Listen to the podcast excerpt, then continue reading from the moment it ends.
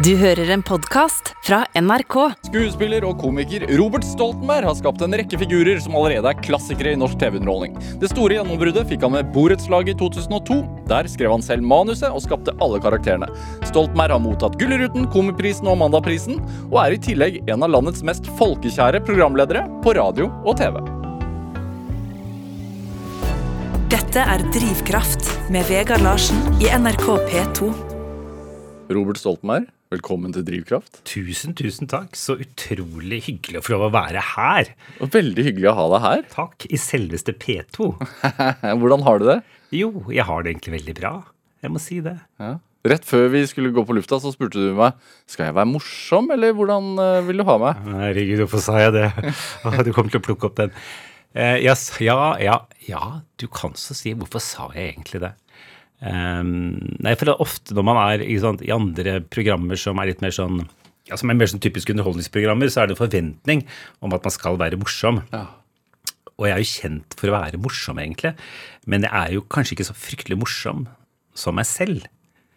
Så, da, så, så, så sa du når du sa har, har du en bryter, så skjønte jeg ikke men så, Ja, fordi Da du, da du Ja. spurte meg om det, så tenkte jeg sånn hm, Har han en sånn morsom bryter han skrur på? tenkte jeg da. Mm, nei, da ville jeg kanskje lagt meg litt med det sånn der morsomme hjørnet, da. Ja. Eh, fordi det er et ord som heter å levere, som jeg syns er et fryktelig ord.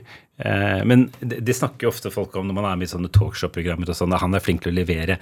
Og det forventer kanskje i noen programmer at man skal være morsom og levere, og det Ja, jeg syns det er et litt sånn grusomt begrep, egentlig. Blir du Må du tenke liksom ekstra gjennom øh, den type oppdrag, holdt jeg på å si? Ja, Svetter du litt ekstra under armene da, hvis, du, hvis det er forventet at du skal være morsom? Ja, det også, men det kan også være at det, en, at, at det gjør det enklere, på en måte. For da kan man liksom eh, tulle seg bort fra noe som kanskje er alvorlig, at du begynner å pirke borti noe som er mer privat. Så kan du plutselig bli det, eh, At det liksom kan smelle over til å være en figur. Plutselig er du Narvestad, og, og sier du det. At det er en måte også, også eh, fjerne seg litt da, fra noe man ikke syns er så behagelig kanskje å snakke om. Ja. Pri pri privat, hvordan opplever du det da? Er det en forventning når du møter folk som egentlig ikke kjenner deg så godt, om at du skal være morsom? Altså i bryllup, hvis du blir satt ved siden av noen som du egentlig ikke kjenner, f.eks.? Skal jeg være helt ærlig, egentlig ikke. Eh, faktisk. Men det har jeg bare bestemt meg for selv også, for jeg vet altså jeg kan være, hvis jeg, hvis jeg er sammen med mennesker som jeg er trygge på, med venner og sånn, så kan jeg faktisk være ganske morsom som Robert også.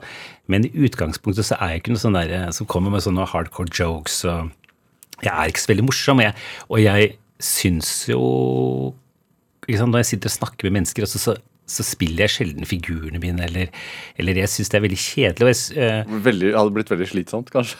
Veldig slitsomt. Det hadde vært det for de andre også. Og, og, og, jeg, tenker, jeg syns selv også at når jeg snakker med mennesker, at jeg vil liksom snakke med det mennesket, ikke med standup-komikeren. Eh, så, så jeg er ikke så veldig bekymra for det. Men noen ganger kan det være sånn For mannen din hjemme så er du så er det Narvestad som sitter der, liksom? Nei. Ja, nei, nei, nei, nei. Han syns det er fryktelig kjedelig. Har veldig, vi, er, vi involverer eh, Vi er ikke så veldig involvert i hverandres jobb heller, på en måte. Men han syns det er helt grusomt. For noen ganger der kan det være sånn at jeg skal tulle og spille en fi- eller lage en rolle. Og han sier bare, eksempel når vi, Noen ganger kan det være sånn når vi er ute og går, så har jeg lyst til å late som, som jeg er spanske. Så kan jeg si sånn Christian, se pide, el primero se cuidados, el bananas. Han sier bare sånn, altså bli med på leken, sier jeg på en måte. Vær så snill, kutt ut. Jeg orker ikke det der. Så veldig lite eh, hva skal jeg si, ja, den type rollespill hjemme. Og han syns heller ikke det. Han det, var, eh, det var før sommeren i fjor, så jeg så hadde jeg vært og spilt en figur. En, en, en sånn figur som heter Jeanette, som har rødt hår. Og så rakk jeg ikke å reise på med NRK, så jeg kom rett hjem og hadde vært og bada. Kom altså med noen sånn badedrakt med store pupper, uten parykk, med masse sminke. Og Christian var sånn jeg, jeg orker ikke å se på deg, vær så snill, få det av! Få det av med en gang! Så han eh, Så Nei, det er lite fig, figurer hjemme i heimen. Ja. Er det Hvordan er det en typisk dag for Robert, Robert Stoltenberg, da?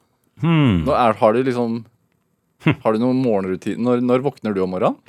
Jeg våkner eh, veldig tidlig. Fordi altså, du, er jo, du jobber jo masse på NRK, som folk, som folk veit. Mm. Men du er frilanser. Mm, Jeg går på kontrakt, så jeg er jo ikke her hele tiden. Eh, Så jeg har en veldig sånn fri, og jobber jo en del for næringslivet. Eh, Så jeg har en så jeg føler meg ekstremt heldig, fordi jeg har liksom en, jeg har jo en, en kontorpult her i NRK. Og, men jeg, siden jeg ikke er fast ansatt, så må jeg ikke være her hver dag fra ni til fire. Men jeg føler veldig sånn Jeg er utrolig glad for å ha den plattformen, og fordi at NRK gir meg så masse muligheter. Men jeg står tidlig opp om morgenen, sånn, og først gjør jeg å høre på Dagsnytt 18. Unnskyld, Dagsnytt 18, Politisk kvarter. Eh, kvart på åtte. Um, ja, det er en sånn tvangstre Jeg vet ikke hvorfor jeg må det, men det må jeg høre på. Og så koker jeg kaffe, og så er det litt sånn alt ettersom hva jeg skal den dagen. Kanskje jeg går i NRK, kanskje jeg sitter og skriver hjemme og forbereder noe annet. Eh, så det er ikke sånn det er, det er et godt spørsmål, egentlig. Det er ikke sånn stå opp og gå på jobben og komme hjem, men det er, det er liksom komme seg opp om morgenen og gjøre noe. Eh, og så, ja. Så jeg prøver egentlig å ja, jobbe mest og normalt, da, kan du si. Ja, men du, er, du, har, du har en struktur. Absolutt. Ja. I, i hvor, sterk, liksom, hvor stor grad er den? eh, det er Dette har jeg ikke tenkt så mye på, egentlig, men det er jo For jeg har hatt det sånn bestandig, egentlig. Det er en slags flytende struktur. Så jeg er egentlig alltid på jobb. Ja og ikke på jobb. Hva vil det vil si? Det vil si at for eksempel, f.eks. når jeg er, nå sitter jeg og skriver på noe, sånt, noe som kanskje kan bli en slags uh, ja, kan, eh, noe jeg kanskje, da. Så, eller, jeg kan, eller jeg skal forberede f.eks. For en, en, en eventjobb. Så sitter jeg ofte og gjør det kanskje på ja, ville ikke snakke om det bokprosjektet. Nei, det ville jeg ikke. Det var veldig dumt. Så hvorfor jeg nevnte det nå, egentlig. Helt corny. Men la meg si det, jeg, jeg synes det er, For meg så er det veldig avslappende å sitte og skrive og finne på å gjøre ting. Akkurat som andre leser eller, eller hekler, så syns jeg det er artig å sitte med PC-en og liksom sitte og skrive ideer. Og det kan, være, det kan like gjerne være en lørdagskveld som midt på dagen klokken to, liksom. Ja, Men du har behov for å føle at du faktisk har utrettet noe, selv om du ikke Absolutt. er i produksjon, eller? Helt riktig. Og det er en, det er en veldig eh, Og sånn har det vært bestandig siden jeg var barn også, egentlig. Eller ja, faktisk at man liksom må utrette noe. Jeg blir veldig stressa hvis, hvis, jeg ikke føler at jeg har gjort noe som helst. Er det Hvordan kjøkken har dere hjemme? Ja, Godt spørsmål. Et veldig stort kjøkken. Vi, når vi øh, så veldig Pass på at jeg ikke skal høres for selvskrytete ut.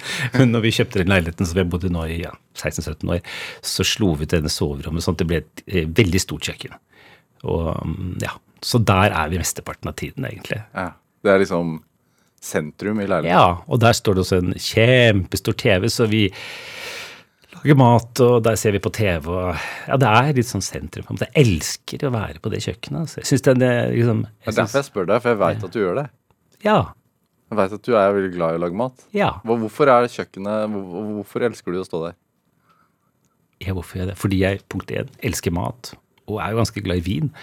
Jeg syns på en måte toppen av lykke er å stå fredag ettermiddag kveld liksom, høre på, da, da høre på Dagsnytt 18 eh, og stå og lage mat og forberede liksom måltidet. Eh, det syns jeg er det gir meg en sånn lykkefølelse.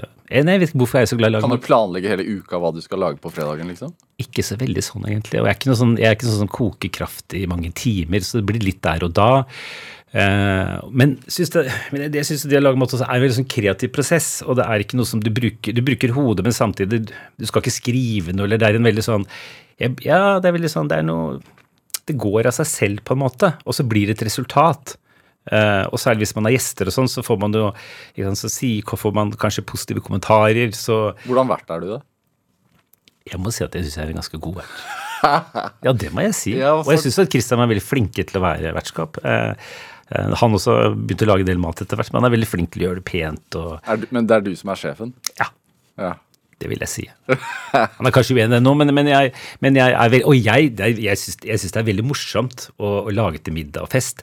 Uh, det siste har jeg også laget en For det er jeg, jeg, jeg er glad i å bruke sånn kalligrafi, så jeg bruker Så jeg har laget sånne fine uh, bar, barmeny. Så jeg har laget en bar. Det er egentlig bare en sånn liten tralle. Og der står det så, så da kan folk velge hva, hva slags drink de vil ha. Uh, og det syns folk er litt morsomt. Altså, du har sorter med sprit og Forskjellige sorter sprit. Det er bobler, det er hvitvin hvitvin. Det er, du kan få ja, Sist gang var det eh, Vi skal vel ikke snakke så mye om alkohol og sånn, men eh, Det er helt greit. Ja, Nordic Mule, for eksempel, som akevitt og ingefærøl. Veldig god. Eh, ja, forskjellig gin tonic. Det var til og med Du kan få, altså, du kan få vodka og Russian. Det er liksom Ja, dry martini. Men går du da rundt med det Den, den, den, den, vogna? Ja. Nei, det står i hjørnet eh, i, eh, i stuen. Og så står jeg bak det hjørnet med isbiter og oliven og, og sitronskiver og, og, ja, og lager disse drinkene, da. Og det syns jeg, jeg er så gøy. Så jeg liker Det er nesten sånn at eh, Kanskje ulempen ved det er kanskje at jeg så styrer så fælt, så jeg sitter jo ikke så mye ved bordet, og det syns kanskje folk er litt uhøflig. Men er du stressa når du, har, når du er vert? Ja. Ja. Men sånn godstressa. Ikke sånn eh, at jeg jeg bare vil at alle skal ha det fint hele tiden og går og skjenker. og Jeg liker godt å være vert, da, men egentlig så kunne jeg godt tenke meg ba- bare vært det. Slippe også da kanskje være og prate så mye. Hva, hva lagde du sist, da? Du hadde selskap? Eh, Da lagde jeg det første jeg kom på, at jeg lagde Jeg har lagd krabbepai til som førsterett. Eh, Og tenker også hvordan man bygger opp, på en måte. Og du gjør det? Ja. hvor, også hvor lang tid kan du planlegge? Ja, det, det, det, sånn stor mye, det kan jeg planlegge en uke, liksom. Jeg, går ikke, jeg sitter, bruker ikke, sitter ikke en uke og planlegger det, men jeg, jeg går innom, og det, da koser jeg meg ved tanken om hvordan man skal legge opp det. Da kan liksom, den- for da kan den være varm. Først fikk de, eh, først fikk de da, sammen med disse drinkene, så fikk de hjemmelagde vårruller. Jeg er ganske god på å lage vårruller. Eh, Er det sånn ferske vårruller? Nei, det er stekte vårruller. Kan også lage ferske, men dette er stekte vårruller. Men jeg kjøper sånn vårrulldeig og lager en sånn stuffing, og så friterer jeg det. Så får du sånne, du får, du får nemlig vårrull der, får du tre-fire forskjellige størrelser. Så de minste kan du bruke som snacks. Får de samme drinkene. Eh, og da kan du putte masse, Hvis du er litt sophisticated, så kan du f.eks. ha scampi, eller ikke bare sånn vanlig kjøttdeig, men du kan altså, f.eks. bruke lammekjøtt, skjære opp det i små terninger. Lager de som så får de det, og så fikk de eh, sånn krabbepai. Så fikk de suppe imellom. Og så hovedretten var kald, for da tenker jeg sånn at da slipper jeg å stå på kjøkkenet og lage varm, så da fikk de en sånn, sånn thaisalat, altså som består av biff og, og nudler og Med Skjønner du? Som er kald, ja. Som er kald. Ja, Og det bemerket en av gjestene, at uh, det var ikke dumt. Han hadde tenkt på det. At det for at da kan man sette seg ned da, liksom, så slipper å ja. Høres jeg veldig Høres kanskje veldig Ja. Nei, det høres ikke veldig veldig selv, Hva skal jeg si? Men mat er mer enn en interesse. Det er nærmest en lidenskap. Nei, det er ikke det egentlig. Det er interesse, altså. Men jeg hadde lyst til å eh, alltid hatt lyst til å, å bli å være kokk, egentlig. Men jeg er ikke Jeg tror altfor utålmodig til å være sånn Sånn, sånn som står og koker kraft i hundrevis av timer. Jeg syns det er veldig morsomt å finne på ting, og jeg er ganske god til å improvisere. Så give me a fridge and I will tell you what to make. Eh, det syns jeg er veldig morsomt. Ja. Relansere det gamle TV-konseptet. Det der 'her er ditt Ja, kjøleskap'. eller hva- ikke sant? eller for Det hadde vært veldig gøy. Ja. Men er det noe likheter? Er du en entertainer på kjøkkenet? Eh, jeg vet ikke. Er man det? Nei, det, det, jeg spør deg. Jeg, jeg, vet ikke jeg, men- nei, jeg vet ikke om jeg liker det, men det, alt med mat Jeg vet ikke, jeg, jeg, jeg føler at ja, for Kanskje når jeg står og lager mat, så tenker jeg vel også på at jeg, hvis jeg får dette har jeg ikke sagt det nå, men så later jeg vel nesten som jeg er en slags TV-kokk også. Nei. Jo, jeg Ja, det. Noen ganger så begynner jeg plutselig å prate, og ja, så gjør vi det sånn og sånn, sånn, så har jeg liksom innbillet meg at det står fjernsynskameraer rundt og filmer meg nå, liksom. Eh, så det er en Men det er noe sånn, jeg tror det er noe sånn at du, du forbereder når du hakker opp og styrer, og så, og så serverer du maten. Du har litt publikum, da.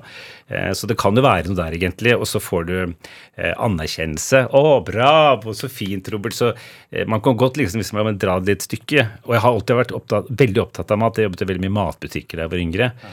Og følte at det var sagt også en gang at det var at jeg, Jeg syns det er litt showbiz å jobbe i matbutikker. For det er der ute med alle matvarene, og kundene er på en måte litt sånn publikum. Du skal liksom, ja, representere, og det går fort unna, på en måte. Altså varer inn, varer ut. eh, så hadde vel lyst til å begynne å bli veldig mange ting jeg hadde lyst til å bli. Men var, var- det ikke en slags kolonial en periode også? Jo. Vi, altså jeg jobbet Da jeg gikk på ungdomsskolen og videregående, så jobbet jeg i, ja, i matbutikk, i kolonialbutikk. Ja, men også planer om å starte igjen? Ja, vi var, det stemmer det. Vi var noen søsken som, som drev eh, faktisk ved siden av skolen en liten butikk. Ehm, og Hvor var, det, hvor var dette her? det var i Oslo. Ja. Uh, Hvor, i Oslo? nei, men all verdens rike, det. Jeg kan ikke gå i detalj på alt. men Jo, på. Sand, på Sankthanshaugen. Uh, Ja. Men, men, men uh, Hva het den? Det kan jeg ikke si. Nei, hvorfor ikke? Ja, men kjære vene, for jeg vet ikke hvor, eh, Den het vel eh, Ja, det, den, det het, den, het, den het vel Ilamat, tror jeg. Ja. Det lå på Ila. Det var veldig morsomt. Men da vurderte, da vurderte jeg liksom å, å da, da var det sånn, Enten skal jeg begynne på videregående, eller skal jeg bli kjøpmann. Dette var før Rema 1000 og alle de store kjedene, men vi kjente en som drev sånne småbutikker. Eh, så vi jobbet der. Og da det var jo Nei, altså, jeg syns det var helt magisk morsomt å jobbe i matbutikk. Og, vi, og vi, det var sånn eh, Vi stensilerte opp sånne ark, ikke sant, Omo vaskepulver før eh, 39 kroner nå, 1990, og gikk rundt i postkassen og puttet i. Så vi Jeg tror, ja Nei, jeg syns det er veldig morsomt, altså. Tenke på det tilbake som noe veldig hyggelig, egentlig. Og med kundene, da? Observerte du de? Absolutt. Så det, det tenker jeg, jeg tror nok at det ligger masse Jeg jobbet jo ikke bare i den butikken, jeg jobbet i andre butikker også. Det var altså på Grønland altså, og ja, i Dælinggata og mange steder. Jeg hadde jo en lang karriere som, eh, som eh, butikkmann. Eh, men det er klart, det var veldig mange typer man møtte hele tiden. Og den gangen var det noen av de var, sant, var faste kunder. Også, fordi jeg nok har flyttet mye og liksom sett mange ulike miljøer, så er nok mye av uh, inspirasjonen er nok derfor også. Altså. Ja, men ble du glad i de, da? Ja. Må man bli det på en måte for å bli inspirert nok til at de kanskje blir en karakter? Ja. Altså, det hjelper å være glad altså, Å lage en karakter Du bør være litt glad i den karakteren for å få den til å fungere, tror jeg. Ja, Men, det, men det, har det vært kunder du har møtt som har blitt noen som vi har blitt kjent med etterpå? Ja. Som for eksempel? Det kan jeg ikke si. Du kan ikke si kunden, du trenger ikke å si hvem kunden er, men du kan vel si hvilken karakter? Nei, men det er, jeg tror ikke, jeg tror ikke det er akkurat eh, For å være helt ærlig, veldig mange kommer til meg og sier at liksom Du, den karakteren der eh, du, du, eh, den, altså Rollemodellen for den karakteren, det må være han og han og han eller hun. Og, men det er ikke sånn, egentlig. Men jeg tror at det er sikkert gjenkjennende ting ved disse karakterene som gjør at det, Sånn som Narvestad, f.eks. Jeg vet ikke hvor mange som har, har en, kjenner en Narvestad, og som har en Narvestad som på jobben, og som ser ut som Narvestad. Mm. Eh, sånn at eh, Men det er ikke sånn. Det er ikke, det er ikke based på liksom én, én person jeg har møtt. Tror du at Altså, du har gjort stor suksess i det yrket du har nå, men tror du at du kunne vært vel så lykkelig hvis du hadde fortsatt som kjøpmann? Ja, det tror jeg. Ja. Fordi at Fordi at Jeg vet ikke, men ja, hvorfor det? Nei, jeg har det ikke noe å gjøre med at man føler at man får til noe uh, og ikke sant, blir sett. Og det kan man gjøre gjennom veldig mange andre måter enn å være på TV. For meg så var det nok litt Er det ikke litt sånn at ja, jeg tror man kunne endt opp med, med veldig mange forskjellige ting, egentlig. Um, og, er, ja. og er det noen man blir jo liksom ordentlig sånn altså, Som man setter pris på også, så er det jo kjøpmannen på hjørnet. Mm. Ja. Hvis de har de riktige varene, og ser deg når du kommer inn. Ja, de blir likt, tenker du på? Liksom At, eh, at han er eh, Han er en Han er en ålreit fyr. Ja. ja. Du, det det er sant. Det kan godt hende. For man har jo et behov for å bli likt, det tror jeg nok, som ligger der i, i bunnen. Så det fins sikkert noen paralleller der. Dette er Drivkraft med Vegard Larsen i NRK P2. Og i dag er eh, programleder og komiker Robert Stoltenberg her hos meg i Drivkraft på NRK P2. Altså, Du snakket litt om din kjøpmannskarriere, mm -hmm. eh, som har vært litt sånn forskjellige steder i Oslo. Men hvor Altså, Du vokste opp også litt forskjellige steder? Ja, Eh, hvor Fettsund, blant ja, annet? Absolutt. altså Først til Oslo, så flytta vi til Fettsund, så flytta vi tilbake til Oslo, så ut igjen til Fettsund. Så det var mye sånn by og land. Det var det egentlig. Hvorfor så mye flytting? Jeg tror det var mer sånn um, Jeg tror det var ganske tilfeldig, for å være helt ærlig. Det var ikke pga. noe jobb eller noe sånt noe. Uh, så var, Den gangen så tror jeg ikke man tenkte så mye på jeg mener ikke, ikke sant, Det er ikke sikkert det er så sunt å flytte og bytte skole sånn annethvert år hvis man ikke absolutt må. Det tror jeg ikke. Hvorfor ikke? Nei, fordi at det er, Hvordan var det for deg? Jeg syns det var Det har gått greit, altså. Og der igjen, fordi det var så ulike miljøer, som man sikkert Så kan man se etter til at å ja, du hadde sikkert ikke gjort det du gjør hvis ikke du hadde vært i så mange miljøer. Nei vel, men, eh, men det får være grenser til hvilken pris man skal betale.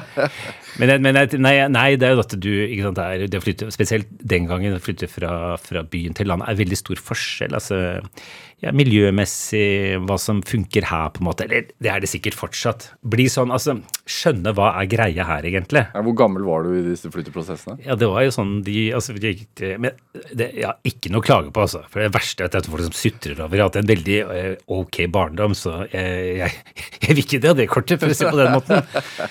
Men, men var, jeg gikk på fire forskjellige barneskoler de seks første årene, og det, ja, jeg syns det var liksom litt sånn Det man det som er fint ved det, da, hvis man skal, det er jo at man blir flinkere til å omstille seg.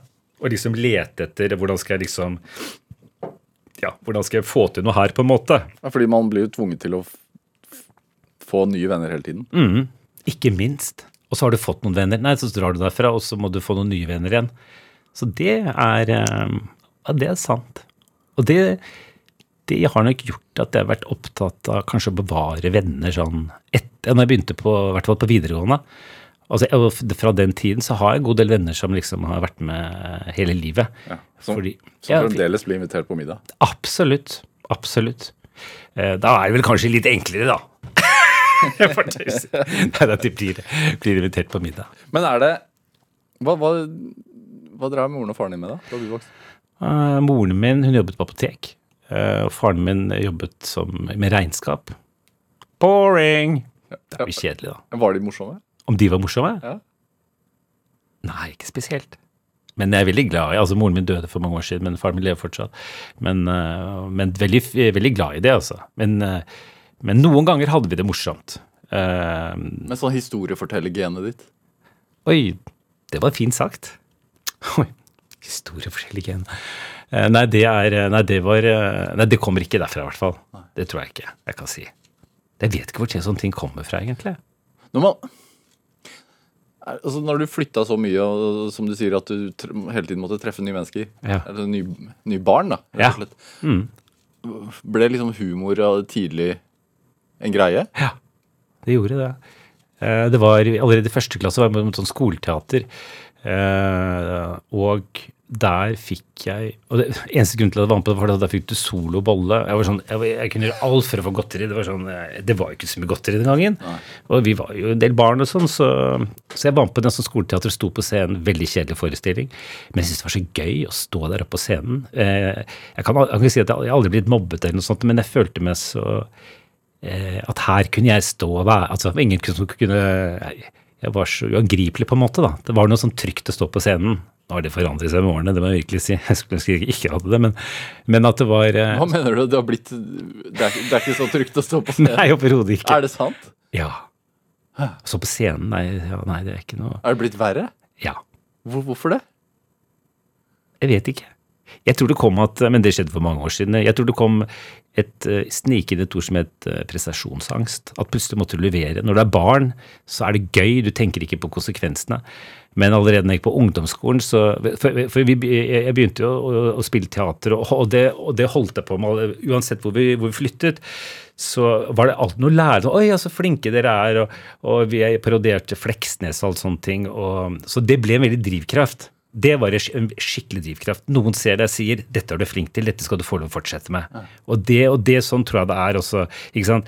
Er du god i tall, da, så fortsetter så blir du kanskje matematiker, eller sånn som faren min jobber med regnskap. Er du god til å spille fotball, så fortsetter du med det. Er du god, til å, god på sløyden, kanskje du blir snekker. Og noen sa at men dette her er du, dette er du flink til. Så eh, noen rosende ord i barndommen staket ut kursen, rett og slett? da? Kanskje lite grann, da. Skal jeg være helt ærlig, så har jeg tenkt ja. For at, det, for at hvorfor, så, så, Å ja, det er bra, da kan jeg gjøre det, ja, nå kan jeg gjøre litt mer og det, bla, bla, bla. Så, så, så begynte vi å lage eh, radioprogrammer, vi søsknene sendte inn til etter skoletid. altså Vi begynte veldig tidlig med disse tingene, så det var en ball som rullet. Ja, for altså, Ambisjonene kom ganske tidlig? Ja, virkelig. Eh, Men jeg mener bare at sånn som du spurte i sted, hadde vært like lykkelig som kjøpmann? Ja, det kan godt hende. Hvis det var på en måte Men eh, ja. Jeg følte jeg var ganske flink til det også. Men nå ble det nå denne, her, eh, denne trangen til å liksom eh, Ja. Du spurte om, hva er det du spurte om egentlig? egentlig? Vi er veldig Men broren din drev med det samme? Ja, mer eller mindre. Vi spilte mye teater sammen og sånn. Det gjorde vi. Ja. Hvor, hvor viktig var det, tror du? Mm, nei, det var jo Det å flytte er jo selvfølgelig Det er jo ikke sant, det er ganske tøft, da. Så klart, vi hadde hverandre, og, og det var en støtte Vi hadde veldig sånn støtte i hverandre, det må jeg si. Mm. Du spurte om noe annet før det som jeg skulle svare på. Hva var det for noe, egentlig? Ja, hva var det? Jeg husker ikke. For nå kom en kjempe, det ble en sånn kjempedigresjon. Antakeligvis ikke så viktig, da. Nei, det var vel ikke det. Antakeligvis ikke så viktig. Det var litt viktig, egentlig. Men, men Hva er det du følte da? Da du fikk den applausen på scenen? Ja, for det du spurte om. Um, nei, uh, det var jo rett og slett uh, å bli sett, egentlig. da. Er det ikke det man går og venter på hele tiden? i klappen på skulderen og sier at uh, 'herregud, så flink du var', nå var du god'. Nå husker jeg hva du spurte om. Det der med at det var ikke sant, Når skjedde det at det plutselig ikke ble så morsomt å stå på scenen? Det var, husker jeg, når jeg gikk på ungdomsskolen, så var det en far til en, eh, en av de andre som ikke sto på scenen, eh, som, sa at, eh, som sa noe veldig sånn negativt. Som sa at ja, du minner meg om en eller annen eh, nesten amerikansk skuespiller, et eller annet sånt, noe som jeg opplevde som litt sånn eh, Du må ikke tro du er noe, faktisk. Og jeg, jeg, jeg er flink til å misforstå, men det tror jeg liksom var litt sånn rene ord for penga, på en måte. Og jeg tror, eh, tror kanskje at da jeg begynte å tenke ja, men jøss, herregud, det er ikke Dette er jo Ja, det har konsekvenser, det man gjør. At du, du, du må prestere, du må gjøre noe ordentlig. altså, skjønner jeg? Sånn at eh, plutselig så kom dette, dette inn, dette med prestasjonsangst og er bra nok, eller er morsom nok, dummer jeg meg ut, gjør jeg narr av noen, eller ja. Og det gjorde nok at det ble, var ikke så morsomt lenger å stå på en scene. Tror jeg, da. Uten at jeg har tenkt så fryktelig mye på disse tingene. Og det har hengt igjen? Ja, husker, man husker Det er jo, ja, men det er jo helt Altså, hvor, hvor skjør man er. Ja. Nå er jeg ganske sånn skjør person. du har fått din del av ros, for å si det sånn, men, Ja, ja, ja. men det henger fremdeles litt igjen? Ja, absolutt. Så man skal passe seg litt for hva man sier til barn også, tenker jeg. Nei da, det var, det det var sikkert bare en enkelthendelse. Men, men det der med øhm, Ja. Nå er det jo veldig mye sånn at man roser barna for nesten alt de gjør, da. Eh, Men det var, det var, det var ganske fattigslig på det. Det var ikke så mye av det den gangen, for å si det sånn. Så det er utrolig viktig at man også tenker litt over, kanskje, eh, hva man sier til Jeg skulle gjerne snakka med han som sa det. Hvorfor sa du det, egentlig? Det er mange jeg skulle snakka med, men det er noe så. Ja. Men skjør, Mhm. er du det? Ja, Virker jo ikke så skjør. Men syns du ikke det? nei, jeg syns ikke det. Nei. Hvordan, hvordan oppleves det? Eller hvorfor tenker du at du er det? Mm. Nei, at jeg er eh, Altså, både skjør og sterk, altså. Men Nei, hvordan det Nei, altså, jeg er jo alltid eh, usikker. eh, og eh, veldig sånn sensitiv. Altså, det er veldig mye Jeg tar jo til meg alt, liksom. Alt rundt meg. Skal ikke bruke det uttrykket hypersensitiv eller oversensitiv, men, men eh, man får jo med seg veldig mye eh, som påvirker en hele tiden, egentlig. Så, som gjør at man blir usikker. Å, hva var det blikket? Men er det også en kraft i, i, i yrket ditt? Gudene veit. Man sier jo at det er det, men er det det? I don't know. Men er du også en perfeksjonist? Ikke en perfeksjonist, men jeg liker veldig godt å altså Både og, men jeg liker godt å være veldig godt forberedt. Eh, vite hva jeg skal gjøre. Eh, så det sånn som, sånn som dette her er jo liksom eh, eh, litt Altså her, her Vi har jo ikke forberedt oss. Nå bare kommer jeg og sitter og prater. Eh, og, men det, så jeg liker å vite hvor jeg skal og hva jeg skal gjøre. På den ene siden. På den annen siden så er jeg, om jeg selv skal si det, så ganske god til å improvisere altså de rollene jeg spiller. Men det føles ofte mye mer Det vil jeg aldri kunne gjøre som meg selv, på en måte. Nå sitter jeg for så vidt og improviserer som Robert Stoltenberg. Og jeg syns det er mye vanskeligere enn om jeg hadde sittet der som Narvestad. Fordi nå sitter jeg og er ansvarlig for det jeg sier. Eh, Mens når man har disse figurene, så er det på en måte bare Å ja, det er han som sier det. Mye av det er jo meg, egentlig. Men du har forkledd deg sånn at du på en måte kommer unna med det. Og jeg tror det er en Og klart, det er en um, For oss skjøringer, da, så er det en, en styrke å gjøre det på den måten. Eh, Det også blir jo en sånn ventil, kanskje, for Ja, at du får renset deg litt sånn mentalt, da, uten å høres veldig eh. Men det er litt det, tror jeg, altså. Så, Når, når oppsto Hva skal man si den egenskapen? Hvilken egenskap? Den at, uh, man, at du kunne ta på deg en sånn ja. maske eller karakter? Ja, ikke sant. Når oppstod Det var, nei, det var jo mens jeg gikk på, på, på barneskolen. Spilte? Jeg gjør i prinsippet nesten det samme som jeg gjorde den gangen. Spiller rolle. Altså, jeg var på turné eh, rundt i klassene. Og i morgen er det 5B, 2C på onsdag, eh, så er det 1A på altså, eh, så, så det kledde meg ut, eh, lagde parodi, som jeg sa, på Rolf Wesenlund, lagde sketsjer. Fant ofte vitser i Sølvpilen. Gjorde, altså, gjorde de om til til en sketsj, da. Men så, ja. Så det, så det var jo egentlig Så det har vel egentlig ligget der bestandig. Men som jeg sier en ting at med hvordan man kunne Så må jeg takke um, Trond-Viggo Torgersen også, fordi når jeg så han i Halv sju spille roller, så tenkte jeg wow, sånn kan man gjøre det. Så det har jeg sagt til han også, for at han gjorde noe som kanskje ikke hadde sett før, at han at humoren lå i hvordan du fremstilte personer, figurer. Og at, og at gjenkjennelsene gjorde at det ble morsomt. Ikke nødvendigvis det som Altså Det gode manuset var ikke det som var sentrum der, det er det ikke viktigste. men Det, Nettopp. Eller du, det, det, det var ikke sånn, ja, ikke sant, Han improviserte veldig mye også, vet jeg, når han gjorde de sketsjene.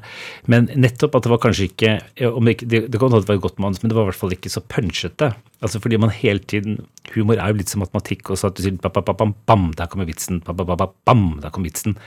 Uh, mens her var det litt mer sånn Her kunne man le av av selve fremstillingen, da, som jeg syns var veldig morsomt. Men Hadde du et behov for å være noen andre enn deg selv? Absolutt. Hvorfor det? Ja, hvorfor det? Men er Nei, det er jo slitsomt å være seg selv noen ganger. Vet, eller kanskje syns ikke du det? Nei, jeg gjør ikke det. Syns du ikke det? Nei, jeg gjør ikke det. Nei, sier du det? Ja, Det er akkurat det jeg oppdaget, nemlig. Det er mange som ikke syns det er så slitsomt å være seg selv. Jeg har ikke noe mot å være meg selv, altså. Men jeg syns det er veldig deilig å ta en pause fra meg selv. Mm. Ne, ja, det må jeg si. Ja. Robert Stoltenberg, vi skal spille litt musikk. Ja. Du har med en Anne Grete Preus-låt. Ja. Eh, Ro meg over heter den. Hvorfor vil du spille den? Ja, hvorfor vil jeg spille den? Jeg er jo ikke sånn som hører jeg må bare innrømme, jeg hører ikke på så veldig mye musikk, egentlig. Jeg liker å høre på prat. Derfor hører jeg mye på dette programmet, og jeg hører generelt veldig på, på P2 på ekko og alle mulige. Jeg vet ikke hvorfor, men jeg blir liksom rolig å høre på prat. Eh, det er ikke det at jeg ikke liker musikk. Eh, men så Derfor var det så vanskelig å finne på en låt. Også, men så var det akkurat som den låta kom litt til meg. For når jeg hører den låta, 'Roma over', så blir jeg veldig rolig. Jeg blir aldri lei av å høre den låta. Og så, så var jeg i et selskap på lørdag, da snakket vi mye om henne, egentlig. Og så fant jeg at det er jo, i går er det to år siden hun døde. Så jeg tenker det var fint å å spille den låta, liksom. Kjente du henne? Eh, jeg, jeg, kan ikke si at jeg kjente henne veldig godt, men jeg traff henne mange, eller flere ganger gjennom felles venner og sånn. Jeg syns hun var en utrolig fin dame. altså Litt sånn som sangene sine. Veldig raus og hyggelig. Og så likte hun faktisk eh, Jeg skulle sa bare for å være hyggelig, men jeg tror ikke at hun likte også disse, en del av figurene mine. Det var litt hyggelig, da. Men, eh, nei, men jeg syns hun var en veldig utrolig fin dame. Og, og så det vel da, så tenker jeg at det er viktig å snakke om jeg vet ikke om det er et buddhistisk ordtak som sier at ingen er døde før vi slutter å snakke om dem. Så jeg tenker at eh, vi må, selv om hennes musikk kommer til å leve mange mange år, men jeg tenker at det er fint å, å snakke om folk også, selv om de er døde. Så fint.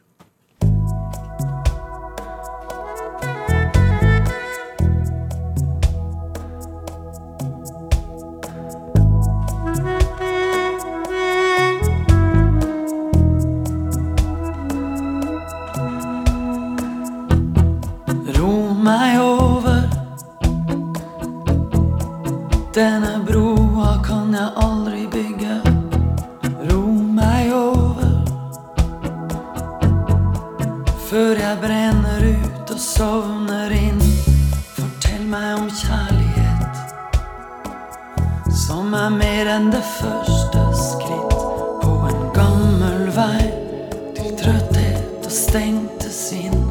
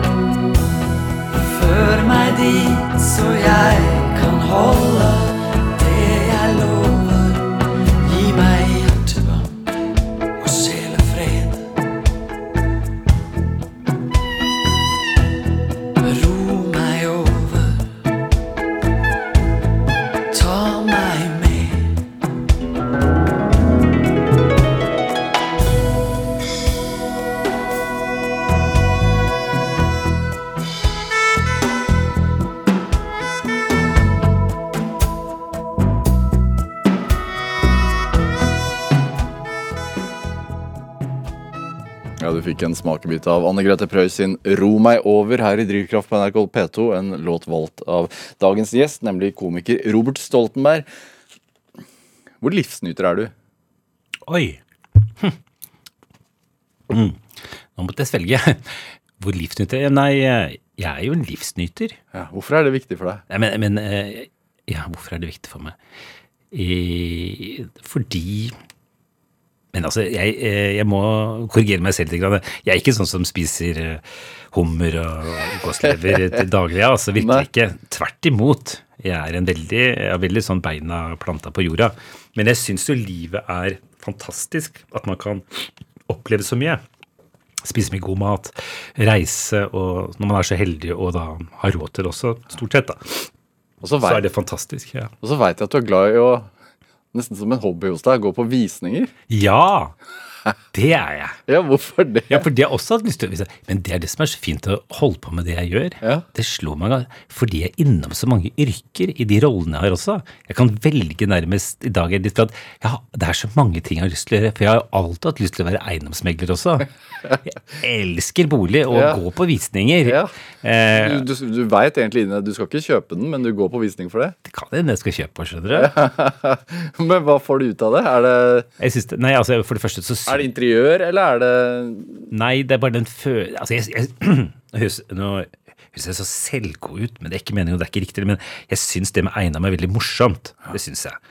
Eh, og, og, og jeg skulle gjerne flyttet oftere for å liksom ja, skifte litt. Jeg bare, jeg bare syns det der opplevelsen av å gå på visning og drømme seg bort, eh, og det er jo, koster jo ikke noe heller. At liksom, å herregud, du kan, her kunne jeg også bodd. Eh, vil gjøre det sånn og sånn og sånn. Jeg tror det er mer opplevelsen at eh, ønsket om å ha denne eiendommen Jeg er ikke så veldig opptatt av interiør, men syns det er veldig kult og fint hvis det er fint. Eh, og så er det også selvfølgelig, tror jeg, også en måte å se hvordan folk bor på. Sni, kikke litt, snike inn og ja, altså snike seg rundt og se hvordan de egentlig har det. Hvordan, hvordan vil du liksom beskrive fantasien din? Oi. Beskrive fantasien, ja. Er den hele tiden på? Altså det er sånn Du sier å drømme deg bort. Mm.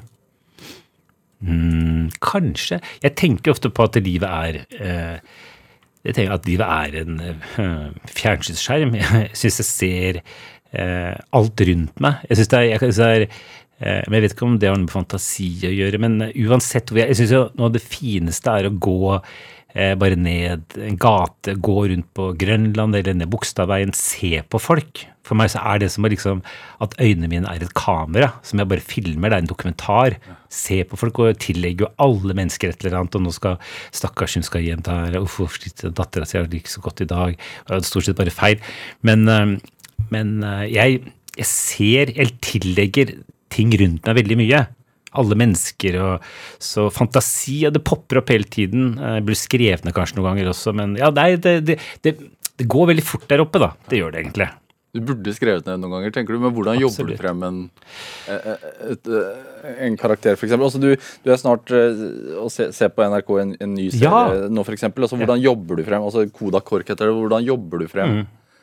Koda Korkia, det er jo det er en idé, ja, det er litt spesielt, for at det er en litt annen måte kanskje enn jeg har jobbet på tidligere. fordi ja, Der hadde Bjarte Tjøstheim, som vi laget en TV-serie sammen med, og jeg, vi hadde en idé om at vi hadde lyst til å lage noe om KORK. Vi snakket med for flere år siden. Men så, ja, lang historie kort, så for et rødt år siden så var det sånn «Å, Nå lager vi det, for da ja, hadde vi liksom litt tid til å gjøre det på, eller vi holdt ikke på med egne prosjekter. Og så satte vi oss ned, og så Og nå er TV-serien akkurat ferdig klippet og kommer på TV neste uke. Men Begynner du med en sånn idémyldring, e- eller eh, Ja, Der begynte det faktisk med at vi har lyst til å gjøre noe på KORK. Jeg vet ikke hvorfor. Vi, vi kjenner hverandre litt privat også. Vi hadde snakket om det sånn i en annen sammenheng, og så bare plutselig Altså fikk vi et møte. Ja. Ja. Og så viser det seg at Kringkastingsorkesteret er 75 år i år, så de tente veldig på ideen.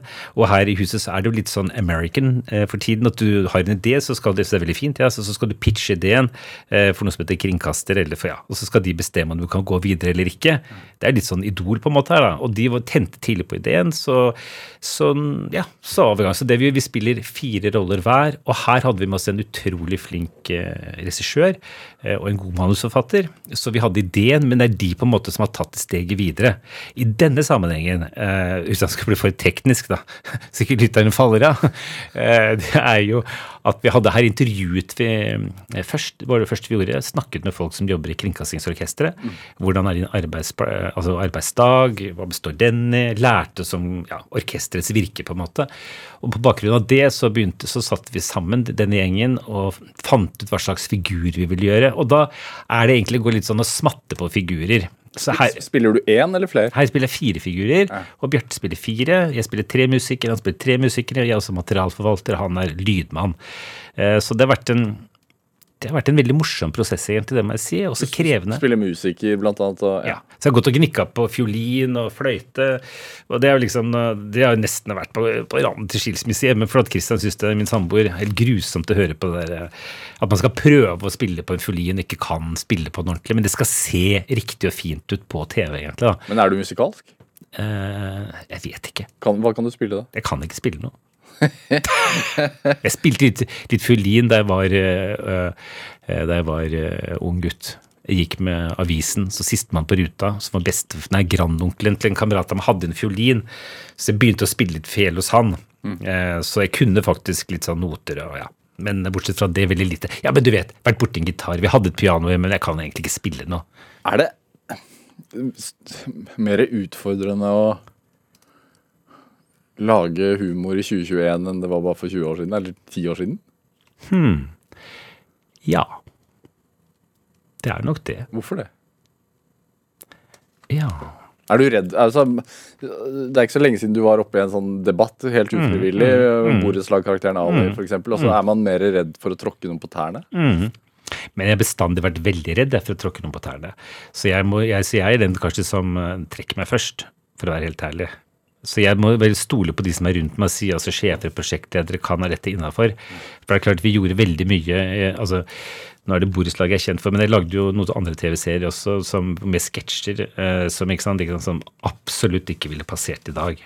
Og det samme, men, men, men det er klart uh, Ja, jeg, man tenker enda mer Men jeg har alltid gjort det. Men det er klart et helt annet sant, Den gangen jeg spilte Ali og Faren hans Kuram i borettslaget, så opplevde jeg at, at sant, eh, når jeg møtte pakistanere, at de syntes det var kjempekult. Men du fikk jo Brobyggerprisen Ja.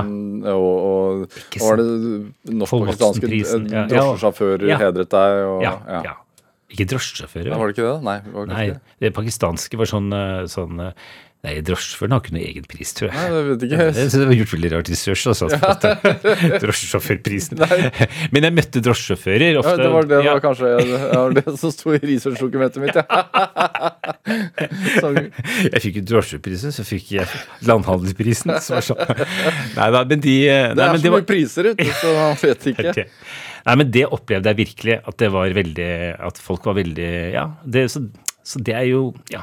Nei, så det er eh, Så det er, det er vanskelig på den måten. Og det er klart øh, Man er jo veldig engstelig for hva kan man gjøre til slutt også. Det er, sånn, det er, det Jeg tenker jo seriøst på det, liksom. Skal jeg, jeg spiller jo dame noen ganger. Eh, Er det å tråkke noen på tærne? Men det er kanskje det, egentlig. Ja. Eh, fordi da fremstiller jeg kvinner på et, en spesiell måte. Blir det noe humor hvis man skal Kanskje ikke, jeg vet ikke. Det blir, noe blir det jo igjen, men hvis det skal være så øh, ja, så smalt, da, så klart det er en kjempeutfordring.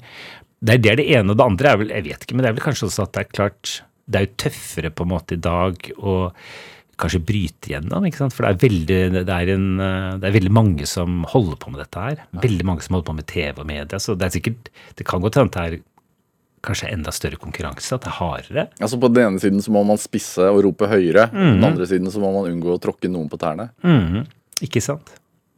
Da er det dobbelt opp. Nei, men Det kan godt hende, det. altså, så det er jo, og, og så er det på en måte den gangen det ikke sant, var færre Nå er det så mange TV-kanaler vi har, det er så mye utenfra, så, så ja. Nei, så det er nok det er ikke noe lettere å holde på med det nå eh, enn det var før, tror jeg. Nei.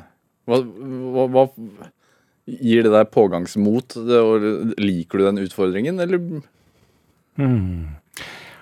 Ja, på en måte. Ehm, her burde jeg jo svart noe Nå tenker jeg liksom jeg må svare noe veldig Nei, fordi det, jeg tenker sånn i din karriere altså, du, har, du har gjort masse. Eh, likevel så sier du jo selv nå liksom, Det er jo borettslaget jeg er kjent for. Mm. Eh, Så hvorfor holde på med alt dette andre, egentlig? Nei, altså, bare- jo, men- men- men- jo, jo, jo, men jeg har tenkt på det mange ganger også. Det er jo det, er jo det som liksom, sikkert blir stående igjen. Og, det er jo, og det er klart det er morsomt. Jeg syns det er artig når jeg hører jeg leste- en kronikk i VG liksom snakket om en ung person som snakket om at ja, men snakket om hvordan ja, bråk i bakgrunnen og sånt. Og da så kom det og så sier de at er du helt Narvestad, så er det, veldig, det er jo fantastisk morsomt at noen bruker et sånt begrep. Det tenker jeg. Men hva er det du spør om, egentlig? Nei, fornyelse. Hvor vanskelig det Ja, er. hvor fan, ja, ikke sant? Det, det er jo utfordrende, det, egentlig. Um, ja, det kan du si, altså.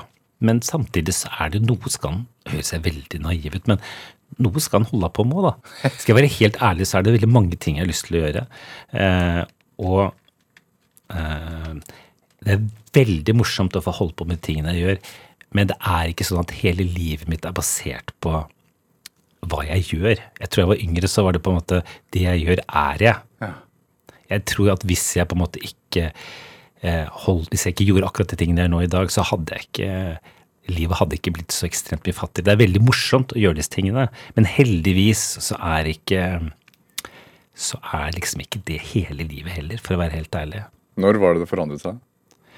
Det tror jeg var etter um, det kan, var det? Ja, det var, kanskje det var en sånn i 30-årene, egentlig, sånn i midten av 30 Jeg jobbet veldig mye da jeg var yngre. Jeg jobber fortsatt veldig mye, altså. Det vil nok mange si.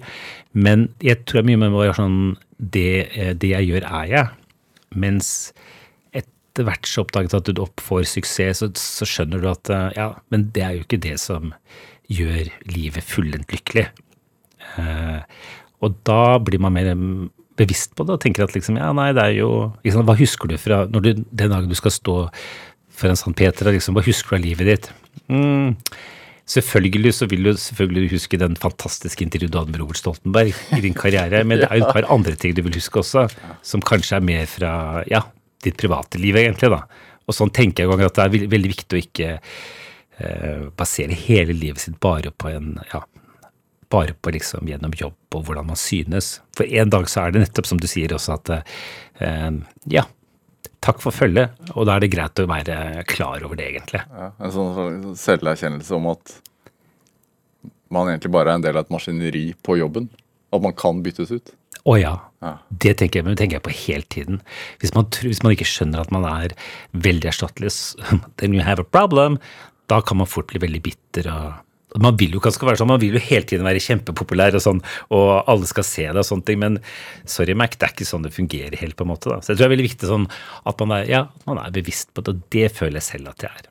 Eh, Men er det lettere å si når du har altså, For du sa tidligere at det veldig tidlig så ble anerkjennelse er en slags drivkraft, eller det å bli sett. Og det har det jo blitt. mm. Så du har på mange måter nådd eh, toppen av, av, av den drømmen. Mm. Er det da lettere å Det kan godt hende. slå seg til ro med det? Mm. For, men noe for noen så er det kanskje sånn etikk til å være der oppe hele tiden, da, for det er det som gir næring, på en måte. Um, men var som en kollega sa til meg, at, som uh, er i samme bransje, som har vært lenger enn meg, så sa så jeg vært med deg, nei, jeg vet ikke helt hva jeg skal gjøre for noe sånt. Å ja. Å ja, så det var der, ja. Å ja. Det var bare, så det var dette det var, ja. Altså, sa vedkommende. Det tror jeg nok at mange blir veldig Hva, hva, men, hva tror du vedkommende mente? Nei, kanskje at eh, Jeg tror veldig mange higer etter den kjempestore suksessen. Og ikke sant, vi er i Norge, dette er jo bare mikroskopisk hvordan folk opplever det andre steder. Eh, og så får du kjempesuksess, da, og så tenker du nå, nå klarte jeg det. Nå er jeg lykkelig. Nei, du var jo ikke helt lykkelig. Så, eh, så, så tenker du at ja men, ja, men nå hadde jeg jo, det var jo dette jeg drømte om hele tiden, og så selv nå så er jeg ikke helt lykkelig. Hva, hva skal til da, liksom? Skjønner du? Så ja, skjønte jo hva jeg mente. Jeg vet ikke, var kanskje litt sånn halvkryptisk. Sånn at man, Jeg tror det er i viktig å basere livet sitt at, eh, skjønne at det er eh, at det består av mange fasetter, og ikke ja, at det er ikke at Bygge seg opp en slags Ble du, ja, Ja, nei. Ja. Nei, ble du overrasket over det? Altså sånn da, altså, Som jeg sa, så du mottok liksom Gullruten, Komiprisen, og mm. Mannaprisen. Du, var- du var på i alle aviser til enhver tid. Du var på TV Mhm. Ja. i beste sendetid. Hadde sikkert hva, Hvor mange seere var det en periode? En million, sikkert? Mm. Eller flere? Ble, liksom, ble du overrasket over at over at, at du ikke var euforisk? Ja. Ja. Og mer, mer, mer sånn eh, nerv, nervøs, egentlig. At, og- at plutselig er det så å, at, at mange var så opptatt av det. Det var eh, ikke sant, Det er sjokkerende. Men du ser også hvordan det er. Dette er jo så snakker vi småskala, men tenk på sånne ting der ute. Alle de som drømmer om å bli store stjerner i USA, Hollywood, whatever, så blir de det, da. Julia Roberts, whatever. Og så er det verste de vet, er å bli gjenkjent på gata. De syns ikke det er noe gøy i det hele tatt. Så de prøver på en måte å fjerne seg fra det. Så sorry, men hvorfor liksom valgte du det da, på en måte? Ja. Så, så ja. Kla klage på at man får oppmerksomhet. Ja, det er akkurat det. Så det, er- nei, men det, jeg tror det blir sånn eh, det, sant, det blir ofte kanskje for massivt. da, Det skal mye det, ja, det skal, eh, det skal mye til sikkert å, å takle det, egentlig. Men, men sånn i etter, så er det mye morsommere nå. Jeg har det mye bedre nå egentlig når jeg sto midt oppi alt det der. skal jeg være helt ærlig. Hvorfor det, tror du? Ja, Man har kanskje blitt um, Ja. Det høres veldig patetisk ut å si at man blir moden og sånn, men, men um, jeg tror noen ganger så blir det for mye å forholde seg til og gape over. Jeg pleier å bruke et bilde på det, liksom at liksom, du er en måke, så ligger det sånn svært hvalkadaver i fjæresteinen, og så har du liksom bare den måka, så har du lyst til å spise opp hele det hvalkadaveret. Det er jo helt umulig å få det i seg. Sånn at at Men, prøv, men skremme bort de andre måkene. ja, nettopp. Ikke minst. Ikke kom deg ja? Det er jo enda mer av de andre måkene. For så du er du som fant det der i hvalskrotten. Så skal du jaggu med han sjøl også. Så kommer alle de andre måkene. Det var, det var, det var en fin forlengelse av, eh, av det bildet, egentlig. Er det Du, skal jo være eh, programleder på TV-aksjonen. Ja. Det, du har gjort det eh, to ganger før. Mm, Er det viktig for deg å gjøre sånne ting? ja. Veldig viktig. Veldig fint. Um, da føler man at man gjør selvfølgelig noe som er litt ordentlig også. Eller ikke sant, det andre er jo litt sånn tull og fjas, men jeg, jeg startet jo i eh, NRK i radio eh, som programleder, og starta Ungdommens Radio egentlig, og var programleder og lagde sketsjer. altså Gjorde veldig mye sånne Ja, gjorde alt, på en måte. Halv sju? Nei. Ja, jo, det gjør også halv sju. Ja. Uh, ja. ja. Men ja, det er sant, det. Eh, men, det, men jeg begynte egentlig med sånne egne sendinger i, i radio. egentlig, sånn at, eh, Men det var eh, Nei, så det er litt tilbake til at man liksom både Nå sier jeg veldig mye liksom og egentlig. Hører du det? Nei, jeg hører ikke det. Nei. Jeg er så irritert med meg selv at man har så mye sånn fyllord. Um, Er det sånn at du sitter hjemme når du hører på radio og irriterer deg over det? Overhodet ikke. Men når jeg selv, hvis jeg hører meg selv etterpå, så, så syns jeg det er helt eh, forferdelig. Eh, jo, at det som er fint ved TV-aksjonen, det er at man får bruke hele seg, være eh, seriøs programleder, eh, som jeg syns er veldig spennende. Eh, jeg liker det veldig godt. Og så er det noe, det, det fine med det også, skal jeg være helt ærlig, det at det ikke er morsomt. For det å holde på med humor er også veldig brutalt. Det er liksom enten så ler du, eller så ler du ikke. Og apropos det du sa, stå på scenen. Det er jo De få gangene jeg har vært konferansier og vært mer sånn, ja, normal konferansier, da. Så hvor det ikke forventes en latter, så er det klart Det er, for det, det er på en måte litt enklere, fordi det å stå på en scene foran mennesker, så vet du at, at dette er en suksess hvis de ler, hvis ikke så er det fiasko hvis ikke de ler. Og Sånn er det kanskje med, TV-aksjonen, at du kan være en programleder, og fordype deg og gjøre noe som er litt ordentlig, men det forventes ikke at folk skal le av det. Eh, og eh, nå Pga. korona så har vi ikke fått reist, men eh, når jeg jobbet med Care f.eks., så var vi jo i Myanmar og lagde reportasjer. og Det gjorde utrolig inntrykk på meg. Og, for, og jeg, får jeg lov også bare da, uten å smiske, men også rose NRK for at man får lov å gjøre så mange forskjellige ting. Dette er et fantastisk mediehus. Er, driver du og forhandler, er forhandler frem, frem neste kontrakt nå? Kontrakten min går ut nå, skjønner du. Nei da, overhodet ikke. Jeg vil bare si det at det er, eh, det er så, Å gjøre sånne ulike ting er jo Jeg syns det, det, det er en stor glede. Veldig, altså. Hva er det TV-aksjonen går til i år? I år så er det plan. Eh, Så temaet i år er barn, ikke brud. Altså det, pengene går til å begrense eh, barneekteskap, eh, som er utrolig utbredt. Så det er fem land som på en måte pengene er øremerket for. Mali, Malawi, Bangladesh, Nepal og Niger.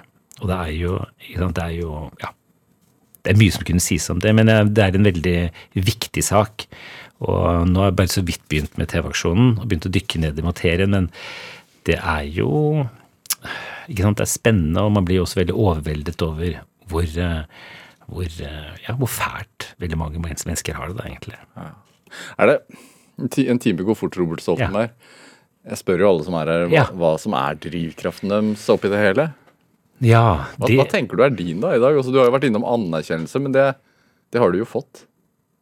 ja, men det er fortsatt litt sånn at eh, jeg tror at man må være så eh, enkel å si at det går nok veldig mye på det å bli sett. Nettopp at det er fortsatt at man er Det å få anerkjennelse, for en klar 'Å ja, nå var du flink'. Eh, og så er det selvfølgelig også bare, Det var viktig at du spør meg, for at så er det selvfølgelig også en stor eh, det er noe befrielse og godt å få folk til å le. Og jeg merker jo selv at når jeg ler av noe jeg ser på TV, eller, eller ser på fra en scene, så, så er det jo en ekstremt god følelse. Og så tenker jeg noen ganger er det mulig? Kan jeg få noen til å le på den måten som de nå fikk meg til å le på? Det er jo en eh, Ja, det er jo Det er kanskje litt euforisk, da. Robert Stoltenberg, tusen takk for at du kom hit til Drivkraft. Hør eh, flere samtaler i Drivkraft i NRK på nett eller eh, i NRK-appen. Du kan også laste oss ned eh, i, som podkast der du laster ned podkast. Send oss gjerne ris og ros og tips til mennesker som du mener har drivkraft. Send en e-posten til drivkraft, krøllalfa, nrk.no. Produsent og researcher i dag var Ellen Foss Sørensen. Anne Sofie Stang bidro også til denne sendingen. Vi høres. Du har hørt en podkast fra NRK. De nyeste episodene og alle radiokanalene hører du i appen NRK Radio.